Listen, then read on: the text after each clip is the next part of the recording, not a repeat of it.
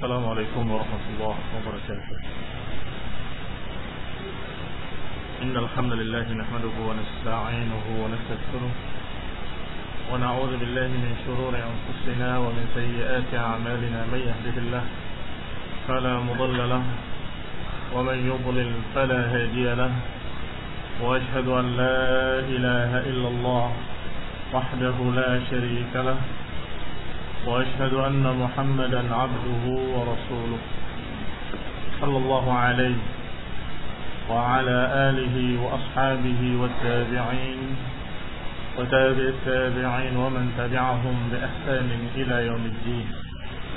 يا أيها الذين آمنوا اتقوا الله حق تقاته ولا تموتن إلا وأنتم مسلمون. يا أيها الناس اتقوا ربكم الذي خلقكم من نفس واحدة وخلق منها زوجها وبث منهما رجالا كثيرا ونساء. واتقوا الله الذي تساءلون به والأرحام. إن الله كان عليكم رقيبا. يا أيها الذين آمنوا اتقوا الله وقولوا قولا سديدا. يصلح لكم أعمالكم ويغفر لكم ذنوبكم ومن يطع الله ورسوله فقد فاز فوزا عظيما.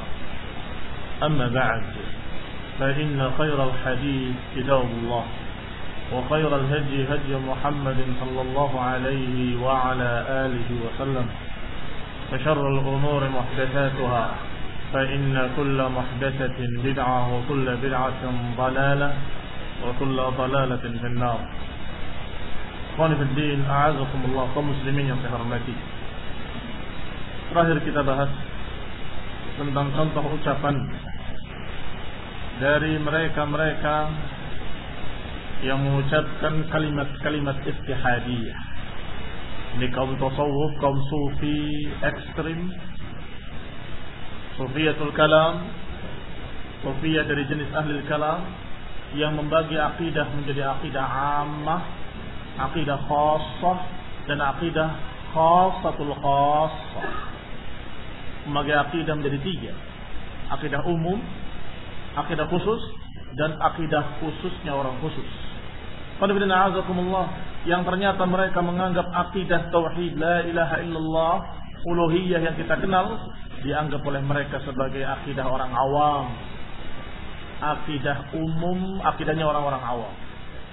Adapun akidah khusus, akidah yang mereka dapatkan dari pikiran mereka, dari perasaan mereka. Dengan mempelajari alam semesta, dengan mempelajari ini dan itu, dengan ahlul kalam, mereka akan menambah keyakinan kata mereka, dan keyakinan itulah yang dikatakan orang-orang khusus. Lebih daripada itu, ada lagi orang-orang yang lebih khusus lagi yang mereka bisa merasakan dengan hatinya bahwa Allah menyatu dengan dirinya. Ini akidah khusus orang-orang khusus. Naudzubillah orang yang sudah mencapai tingkat kekufuran dikatakan orang yang paling berakidah, paling bertauhid, yaitu yufdi ila al-ittihad. انظر إلى ما أنشد شيخ الإسلام أبو إسماعيل الأنصاري رحمه الله حيث يقول شعرا lihatlah apa yang diucapkan oleh Syekhul Islam Abu Ismail Al-Ansari rahimahullahu taala haitsu yaqulu syi'ran. Sebagaimana dia katakan dalam syairnya.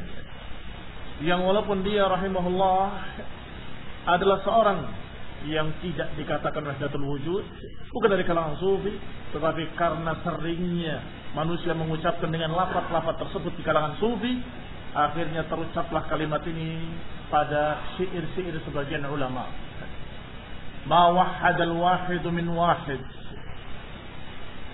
إذ كل من وحد جاحد lihat kalimatnya tidaklah mentauhidkan yang satu seorang pun karena sesungguhnya yang mentauhidkannya adalah orang yang menentangnya yang mentauhidkannya adalah orang yang menentangnya tauhidu man yaltiq an na'ti tauhidnya orang yang menyebut sifat-sifatnya justru ariya abtalahal wahidu dia dalam keadaan kosong dan ditentang oleh Al-Wahid, ditentang oleh Allah yang satu.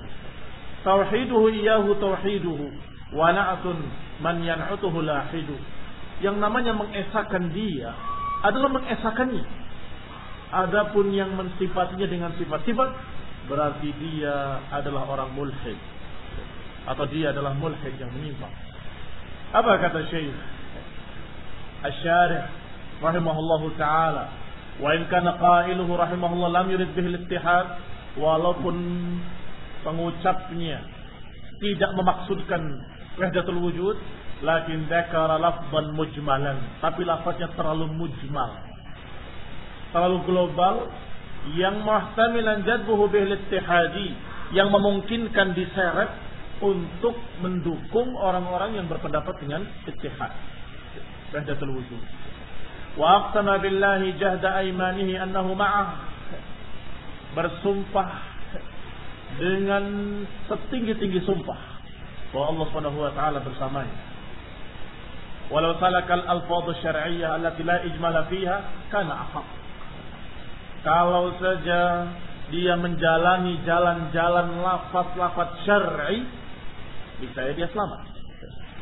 La ijmala fiha, enggak ada kekaburan di dalamnya. Maka kana haqqu, maka itu lebih pantas, lebih berhak. Kalimat yang dikatakan mujmal adalah kalimat yang berbahaya. Kalimat yang berbahaya. Bisa ditafsirkan ke sana, bisa ditafsirkan ke sini bahwasanya aku demi Allah yakin yakin yakinnya bahwa Allah Subhanahu wa taala dalam keadaan satu dan tidak ada yang lainnya. Kemudian dia menyatakan dengan kalimat-kalimat yang senada dengan itu. Tetapi tidak memakai kalimat tauhid la ilaha illallah. Kalau saja pakai kalimat syar'i, kalimat yang dikatakan tidak ada ilah yang maknanya ma'bud illallah ahak. Niscaya itu lebih berhak, lebih pantas, lebih cocok, lebih tepat. Iya kan? Tapi kalau mengatakan pokoknya hanya Allah, tidak yang lain. Apa ini? Mujmal. Pokoknya hanya satu Allah dan tidak peduli yang lain dan aku tidak tahu yang lain. Di hatiku hanya ada Allah. Kalimat ini mujmal. Yang namanya mujmal bisa ditafsirkan secara benar bisa pula ditafsirkan secara batil. Bisa ditafsirkan maksud saya, hati saya hanya mengagungkan Allah dan tidak mengagungkan lain. Saya hanya beribadah dan menghambakan diri dengan hatiku hanya kepada Allah dan tidak kepada yang lain. Dan ini hak. Sehingga hatinya tidak mau tunduk pada perbudakan-perbudakan dunia. Saya hatinya hanya tunduk oleh Allah, tunduk pada Allah Subhanahu wa taala. Abidan lillah. Ini benar. Tetapi makna kalimat tadi bisa ditafsirkan pula kepada makna lain. Bisa ditafsirkan kepada makna wahdatul wujud. Bahwa yang lain tidak ada kecuali Allah. Maka semua ini Allah. Dan aku pun tidak ada kecuali Allah pada diriku. Na'udzubillah. Itu wahdatul wujud. Sehingga walaupun pengucap syair tadi tidak menyatakan atau tidak bermaksud wahdatul wujud, tapi kalimat-kalimat yang samar seperti itu itu yang berbahaya. Kalimat yang akan ditarik oleh kaum sufi wahdatul wujud kepada apa yang mereka maksud. Walau salakal alfaz syar'iyyah. Kalau saja dia mengambil lafaz dengan lafaz-lafaz syar'i, lakana ahaq niscaya itu lebih pas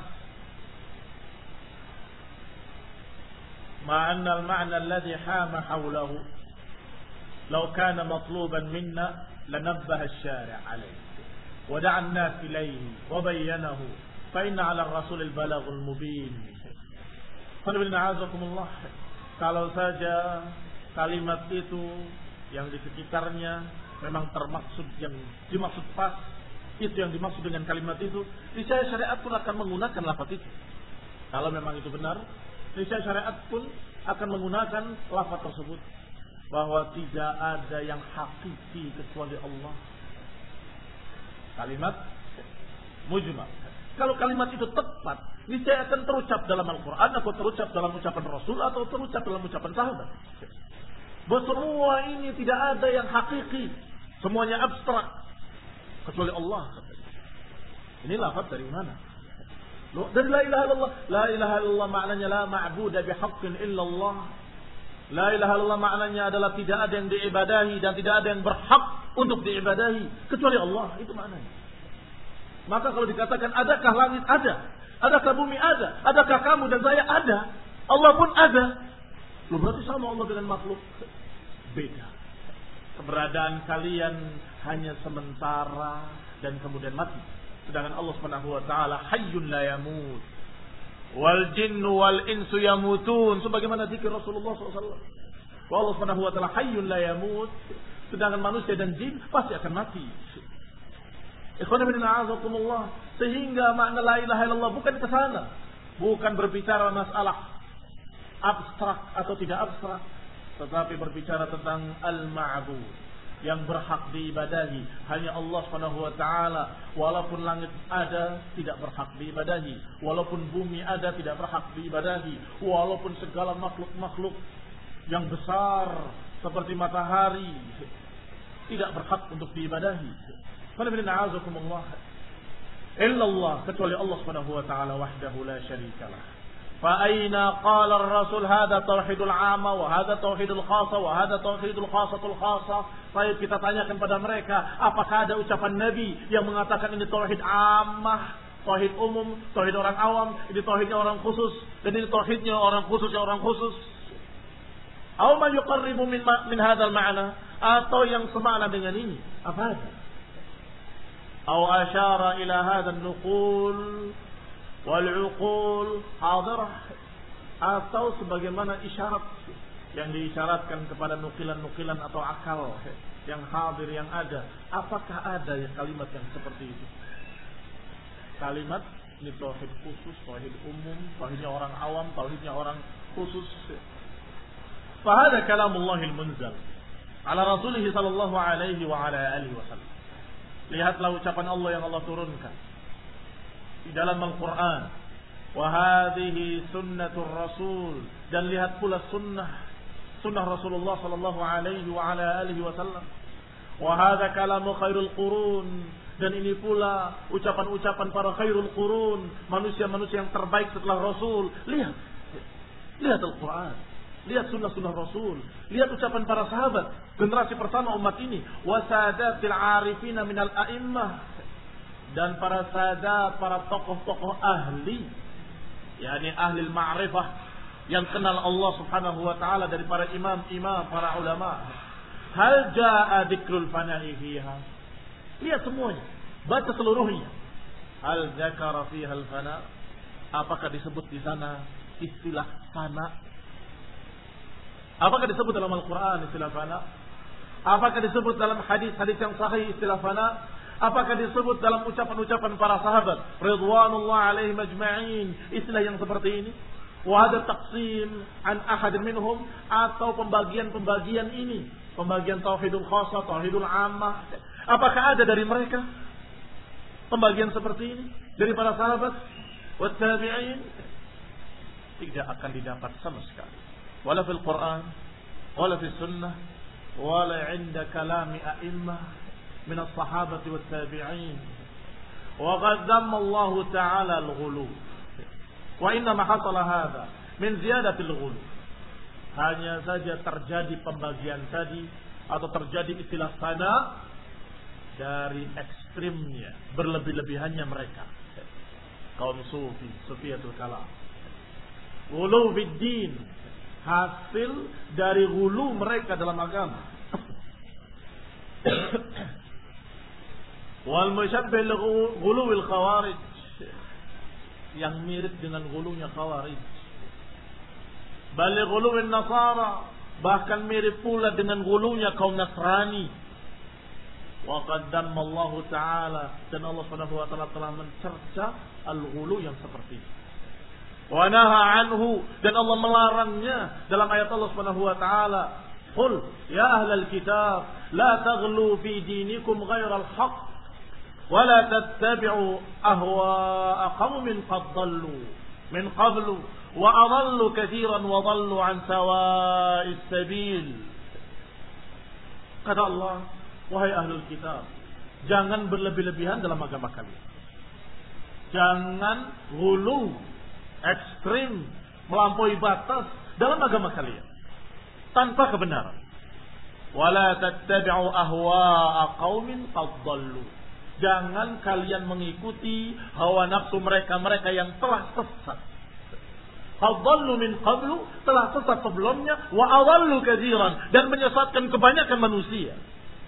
Wa wallu an sabil dan sesat menyimpang dari jalan yang lurus. Jangan ikuti hawa nafsu mereka. Artinya Allah melarang dari sikap hulu. Yang sikap hulu itu mengikuti kaum ahlul kitab. Walaupun yang dipanggil di sini ya ahlul kitab, wahai ahlul kitab, tetapi makna ayat ini adalah wahai ahlul kitab jangan kalian hulu. Dan wahai kaum muslimin, jangan seperti mereka. Jangan seperti mereka yang dikatakan oleh Allah qaumin qadallu min qablu. Jangan kalian hulu seperti kaum-kaum yang telah lebih dulu sesat. Yaitu kaum Nasrani yang mengatakan Isa adalah anak Tuhan. Nabi Isa adalah jelmaan Tuhan yang mengatakan bahwa Nabi Isa dan Tuhan adalah satu wujud, satu kesatuan. Bahkan Isa ibunya dan Tuhan Bapa kata mereka adalah tiga yang menyatu melebur jadi satu. Wahai kaum muslimin, wahai kaum sufi, jangan kalian meniru ucapan Nasrani, jangan kalian mengikuti hawa nafsu orang-orang Nasrani, jangan kalian menganggap bahwa Allah menyatu dengan saya. Allah menyatu dengan wali fulan atau menyatakan manunggaling Gusti kaulo atau manunggaling kaulo Gusti. La haula wala quwata illa billah. Wallah ini mirip dengan akidah Nasrani. Sampai-sampai di Taimiyah rahimahullah dalam fatwanya menyatakan sungguh mereka kaum Wahdatul Wujud ini lebih kufur daripada Yahudi dan Nasrani. Kenapa? Karena kaum Nasrani hanya menyatakan Isa adalah Tuhan atau menyatu dengan Tuhan. Tetapi mereka menyatakan semua yang ada di alam semesta ini menyatu dengan Tuhan. Bayangkan. Mereka dalam keadaan menyatakan siapa pun itu adalah Tuhan. Karena Allah menyatu dengan seluruh alam ini. Ada hululiyah, ada wahdatul wujud.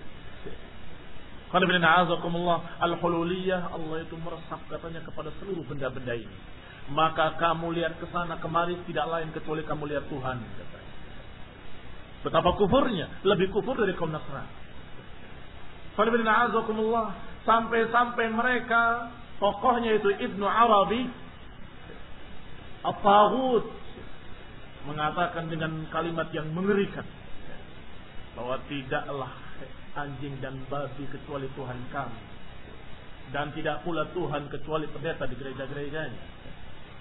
Kalimat apa ini kalau bukan kalimat kufur yang lebih melebihi kufurnya Nasrani.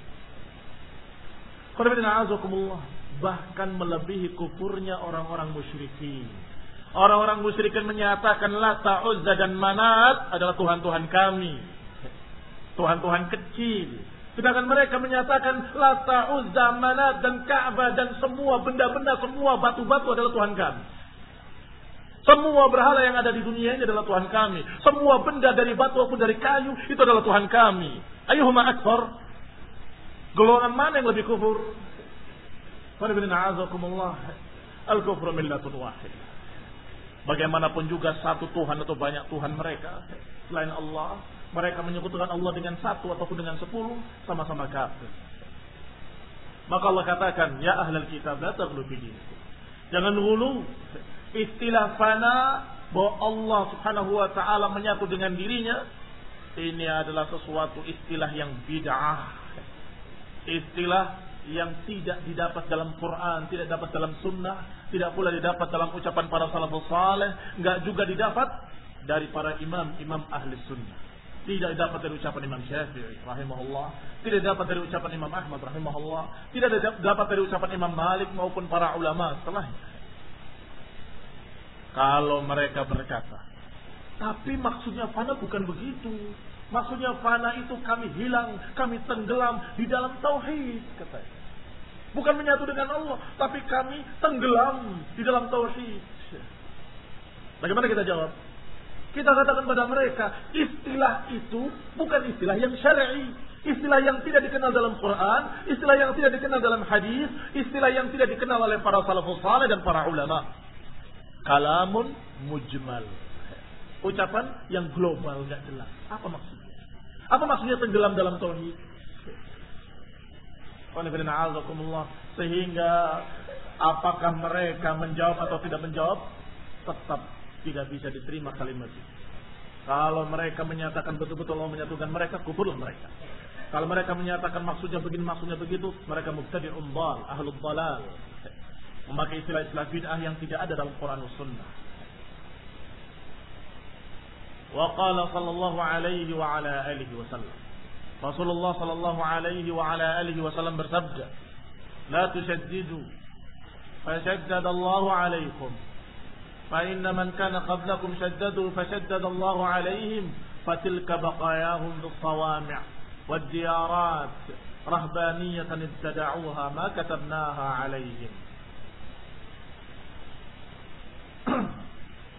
قال ابن عزكم الله hadis yang dikatakan mendekati Hasan Qala bahwasanya Rasulullah SAW menyatakan jangan kalian tasyaddud mirip dengan makna hulu yakni berlebih-lebihan Syaddadallahu alaikum niscaya Allah akan memberatkan atas kalian.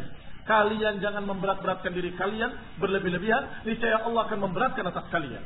Orang-orang sebelum kalian ekstrim, berlebih-lebihan, memberatkan diri mereka, maka Allah beratkan atas mereka. Fadilka baqayahum. Mereka lah, lihatlah mereka. Baqaya, sisa-sisa orang-orang tersebut masih ada di sawami' wa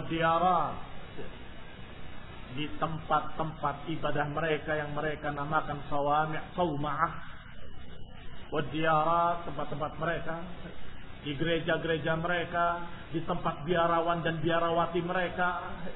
Lihatlah. Rahbaniyatan ibtada'uha ma katabnaha alaihim. Allah Subhanahu wa taala berfirman rahbaniyatan ibtada'uha. Bid'ah rahbaniyah yang mereka ada-adakan yang Allah tidak pernah mewajibkan atas mereka. Mereka dalam keadaan mengada-adakan bid'ah yang namanya bid'ah rahbaniyah. Tidak mau makan daging, tidak mau menikah, hanya makan tumbuh-tumbuhan, tidak mau keluar dari biaranya, terus dibiara sampai matinya. Siapa yang mengajarkan demikian? Nabi Isa? La wallah. Nabi Isa tidak mengajarkan demikian alaihi salam. Siapa yang mengajarkan? Kata Allah, "Ma katabnaha alaihim." Kami enggak pernah mewajibkan mereka seperti itu. Mereka sendiri yang mengadakan acara-acara yang memberatkan diri mereka. Mereka sendiri yang mengadakan kebid'ahan-kebid'ahan ibtada'uha. Ma katabnaha alaihim. Sehingga mereka menyelisihi fitrahnya sendiri.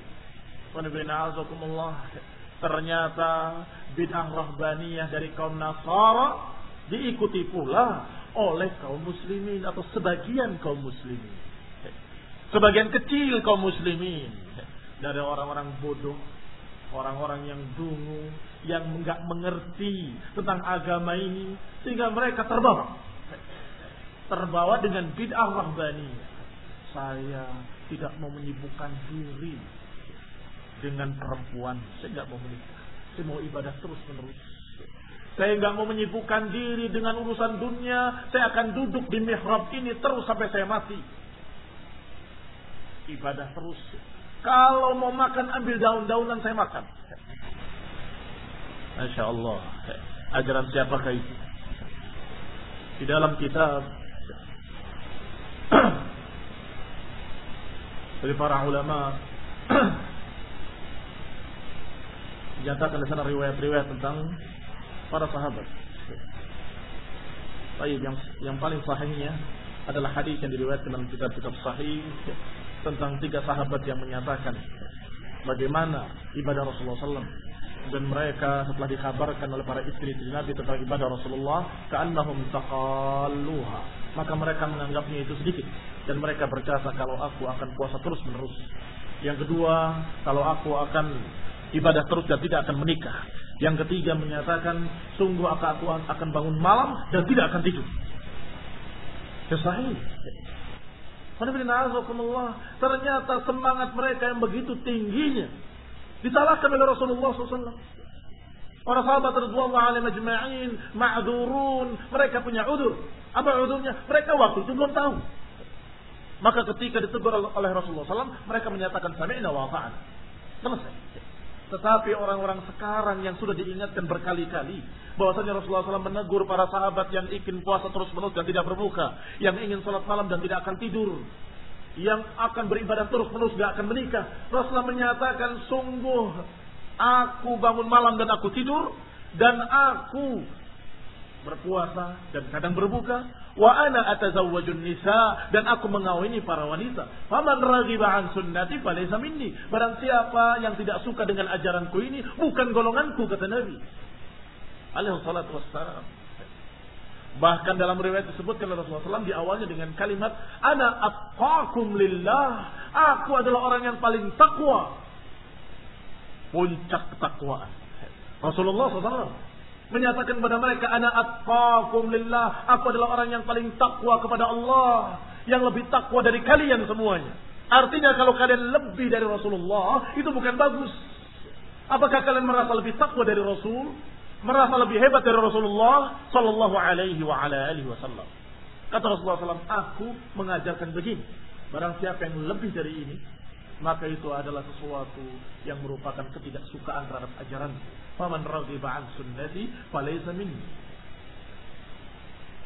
Qad bin a'azakumullah dalam kitab al-i'tisam oleh Imam Syafi'i rahimahullah disebutkan di sana riwayat dan asar-asar di antaranya asar sahabat yang menyatakan ya Rasulullah inni law akulu laham an tashri ila nisa ya Rasulullah kalau aku makan daging kemudian muncullah semangatku kepada para perempuan yakni syahwatnya naik. Maka aku tidak lagi mau makan lagi. Kata Rasulullah SAW, kulil lahma wa sawm. Makanlah daging dan puasalah. Lihat ajaran Rasulullah SAW. Untuk mengurangi syahwatnya bukan tidak makan daging. Bagaimana mungkin ada upaya yang bertentangan dengan ajaran Rasul? Rasulullah SAW mengajarkan aulim walau bisa, walimahlah dengan seekor kambing. Walaupun dengan seekor kambing. Juga ucapan Rasulullah SAW dalam masalah kurban. Sekian banyaknya. Bahkan dalam Al-Quran. Dianjurkan untuk berkorban di hari raya. Daging juga. Dan disudahkan pula untuk menyembelih seekor kambing. Kalau lahir anak perempuan. Atau dua ekor kambing. Kalau lahir anak laki-laki. Daging juga. Kalau memang daging itu suatu yang jelek akan menambah semangat syahwat dan akan melupakan dari ibadah, ini saya akan dilarang dalam Quran dan Sunnah. Rasulullah menyatakan, makanlah daging dan puasa untuk mengimbangi syahwat tadi dengan puasa, bukan dengan meninggalkan perkara-perkara yang halal. Puasanya pun diajarkan oleh Rasulullah SAW puasa tiga hari dalam sebulan. Ayam melbil. Kalau masih merasa kurang puasalah. Puasa hari Senin dan Kamis. Atau dalam riwayat puasa sehari tidak puasa dua hari. Puasa lagi sehari, tidak puasa dua hari. Kalau masih merasa kurang, puasalah seperti Nabi Daud. Sehari puasa, sehari tidak, sehari puasa, sehari tidak. Dan tidak ada yang lebih bagus dari itu. Artinya kalau lebih dari itu, jelek, tidak bagus. Ajaran agama ini tidak diukur dengan banyak-banyakan. Lebih banyak, lebih baik. Tidak. Tapi diajarkan mana yang paling tepat dengan sunnah, itu lebih baik. Yang paling tepat dengan ajaran Rasulullah SAW itu yang paling baik. Dan tidak gulu, tidak tasyaddud. Dan Rasulullah menyatakan la tusyaddidu, jangan kalian memberat-beratkan diri kalian. Apa kaitannya dengan apa yang kita bahas sebelumnya tentang tauhid mereka? Mereka gulu bukan hanya dalam masalah makan, bukan hanya dalam masalah puasa, bukan hanya dalam masalah ibadah mereka. Ternyata dalam masalah akidah pun mereka hulu. Masih belum merasa dia bertauhid kecuali kalau sudah sampai tingkat fana yang mereka ada-adakan tadi. Itu hulu. Masih merasa belum bertauhid kalau ibadah sholat biasa, sholatnya, puasanya biasa, sebulan penuh biasa, itu belum bertauhid. Terus bagaimana? Kamu terus berpikir, berpikir, berpikir, berpikir, berpikir sampai nanti kamu merasakan seakan-akan kamu itu betul-betul menyatu dengan Tuhan. Ah, itu baru tauhid katanya. wala haula wala illa billah. Maka mereka mulai mengadakan riyadhah. Lihat istilahnya. Mereka ini bukan istilah dari alus, istilah dari mereka sendiri. Riyadhah istilahnya. Apa terjemahannya riyadhah? Olahraga toh. Tapi mereka bilang latihan. Latih supaya bisa, harus bisa, latih. Sehingga mereka tidak mengatakan dikir itu ibadah, latihan. Ayo kita latihan. Berupaya untuk mengucapkan la ilaha illallah dalam satu nafas. Kalau sudah mampu, dua kali la ilaha illallah dalam satu nafas. Kalau sudah mampu, tiga kali, sepuluh kali, seratus kali. Dan syekh kami, guru kami sudah berhasil dalam satu nafas sekian ratus kali la ilaha illallah. Majnun. Sara majnunan. Akhirnya jadi junun. Jadi gila dia. Mengucapkan tidak mengerti maknanya dan tidak peduli dengan maknanya. Yang penting dia bisa mengucapkan sebanyak-banyaknya. Sampai ketika dia antara sadar dengan tidak sadar. Atau pingsan. Atau dia dalam keadaan sudah stres. Atau lebih tepatnya sudah dimasuki jin. Baru mereka berkata, saya betul-betul merasakan fana. Saya tenggelam dalam tauhid. Astagfirullahaladzim. Tenggelam dalam godaan syaitan. Bukan tenggelam dalam tauhid. Tenggelam dalam wasawis syaitan. Tenggelam dalam godaan-godaan iblis. Sehingga dia tidak sadar lagi apa yang dilakukannya. Demikian ajaran mereka-mereka para wahdatul wujud atau al-fululiyah. Qauluhu kemudian Syekh Al-Imam Abu Ja'far Tahawi rahimahullah melanjutkan kalimatnya dalam matan wala syai'a mithlahu dan tidak ada yang serupa dengan tidak yang serupa dengan Allah Subhanahu wa taala. Disebutkan dalam syarahnya oleh Syekh Ibn Abdul Aziz Al-Hanafi rahimahullah, ittafaqa ahlus sunnah ala anna Allah laisa kamitslihi syai. Telah sepakat seluruh ahlus sunnah bahwa Allah Subhanahu wa taala tidak serupa dengannya sesuatu apa pun. La fi dzatih wala fi sifatih wala fi af'alih tidak serupa dengannya segala sesuatu apa pun. Tidak serupa pada zatnya, tidak serupa pada sifatnya, tidak serupa pula, pada afalnya. Tidak sama dengan Allah Subhanahu wa taala, tidak sama dengan sifat Allah, tidak sama dengan zatnya, tidak sama pula dengan fi'il-fi'ilnya. Walakin lafaz tashbih qad sara fi kalamin nas lafzan mujmalan, tetapi lafaz tashbih telah menjadi lafaz yang mujmal di kalangan manusia. Yang dimaksudkan dengan lafaz kadang-kadang makna yang benar, kadang-kadang dimaksudkan makna yang salah.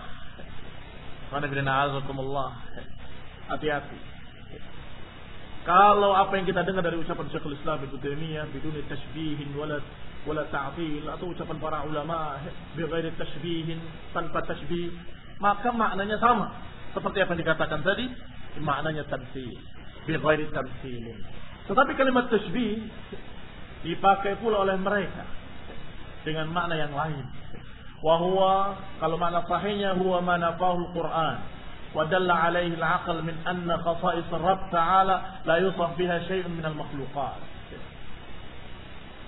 يراد به المعنى الصحيح وهو ما نفاه القرآن Makna yang benar adalah makna yang dinafikan dalam Al-Quran. Wadalla alaihi al-aql. Dan juga dipahami oleh akal bahwa tidak mungkin Allah memiliki sifat yang demikian. Min anna khasa'is Rabb Ta'ala. Bahwa keistimewaan-keistimewaan Allah Subhanahu wa Ta'ala. Sifat-sifat yang khusus bagi Allah. La yusaf biha syai'un minal makhlukat. Ini makna benar. Bahwa tidak mungkin disifati makhluk-makhluk dengan sifat-sifat khusus sifat keistimewaan Allah Subhanahu wa taala. Wala yumathiluhu syai'un minal makhluqat, maka tidak ada yang menyerupai Allah sesuatu apapun. Sama seperti Allah katakan laisa kamitslihi syai'. Berarti la syabiha lahu maknanya laisa kamitslihi syai'. Tidak ada yang serupa dengannya. ورد على الممتثلة ممثلة المشبهة وهو السميع البصير dan kemudian dibantah oleh Allah Subhanahu wa taala mereka-mereka yang menyamakan dengan makhluk bahwa Allah Subhanahu wa taala memiliki sifat sami' dan sifat basir. Wa radda 'ala an-nufat al-mu'attilah dan dengan kalimat itu Allah menentang orang-orang yang menolak sifat. perhatikan. Mereka berkata bahwa Allah Subhanahu wa taala tidak sama dengan makhluk. Oleh karena itu, tidak mungkin Allah mendengar. Karena makhluk mendengar juga. Yang mereka nafikan tasbih apa tamthil? Mereka putar balikan kalimat tasbih dengan tamthil. Kalau tasbih itu bukan tamthil, tamthil itu bukan tasbih. Kalau kamu katakan bahwa Allah Subhanahu wa taala tidak serupa dengan makhluknya pada segala sesuatu, maka harusnya kamu menafikan pula sifat-sifat Allah. Allah tidak mungkin mendengar, Allah tidak mungkin melihat, dan Allah tidak mungkin ada. Kalau ada, kan sama dengan Allah. Berarti tidak ada. Tidak mungkin pula tidak ada. Karena tidak sama dengan makhluk, maka jangan disifati dengan sifat apa pun. Kalau disifati dengan sifat, maka itu sama dengan makhluk katanya. Kata mereka, kalian adalah musyabbihin. Dan kalian dalam keadaan menyeramakan Allah dengan makhluk. Adapun kami adalah orang yang menolak tamsil dengan keseluruhan. Lafat-lafat yang seperti ini saya katakan tadi di awal bahkan dalam kajian yang lalu bahwa mereka paling pandai untuk mempermainkan kalimat. Sehingga jangan dibikin pusing dengan istilah-istilah mereka. Disebutkan dalam footnote di sini bahwasanya makna tamsil dan tashbih itu sama persis nggak ada bedanya. Baik. Kalau disebut salah satunya lebih-lebih lagi. Tamsil maknanya tashbih, tashbih maknanya tamsil. Kalaupun disebut dua-duanya tergantung karina. Kalau tidak ada karina yang membedakannya maka sama persis. Kalaupun ada karina maka tashbih yang maknanya mirip beda pada satu sisi, mirip dalam satu dalam sisi yang lainnya. Tapi kalau misal sama persis keseluruhannya. Baik. Baik, kalau kita anggap, kita terima yang ini, kita terima bahwa itu berbeda. Maka lafaz yang tepat yang mana? Allah tidak sama dengan makhluknya atau tidak mirip dengan makhluknya. Kalau tanzil maknanya tidak sama dalam sisi apa pun.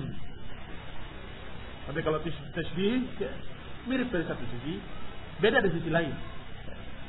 Kayak kita katakan si bulan mirip dengan bulan. Ya beda. Orang lain bahkan namanya juga berbeda. Tetapi kok mukanya mirip ya?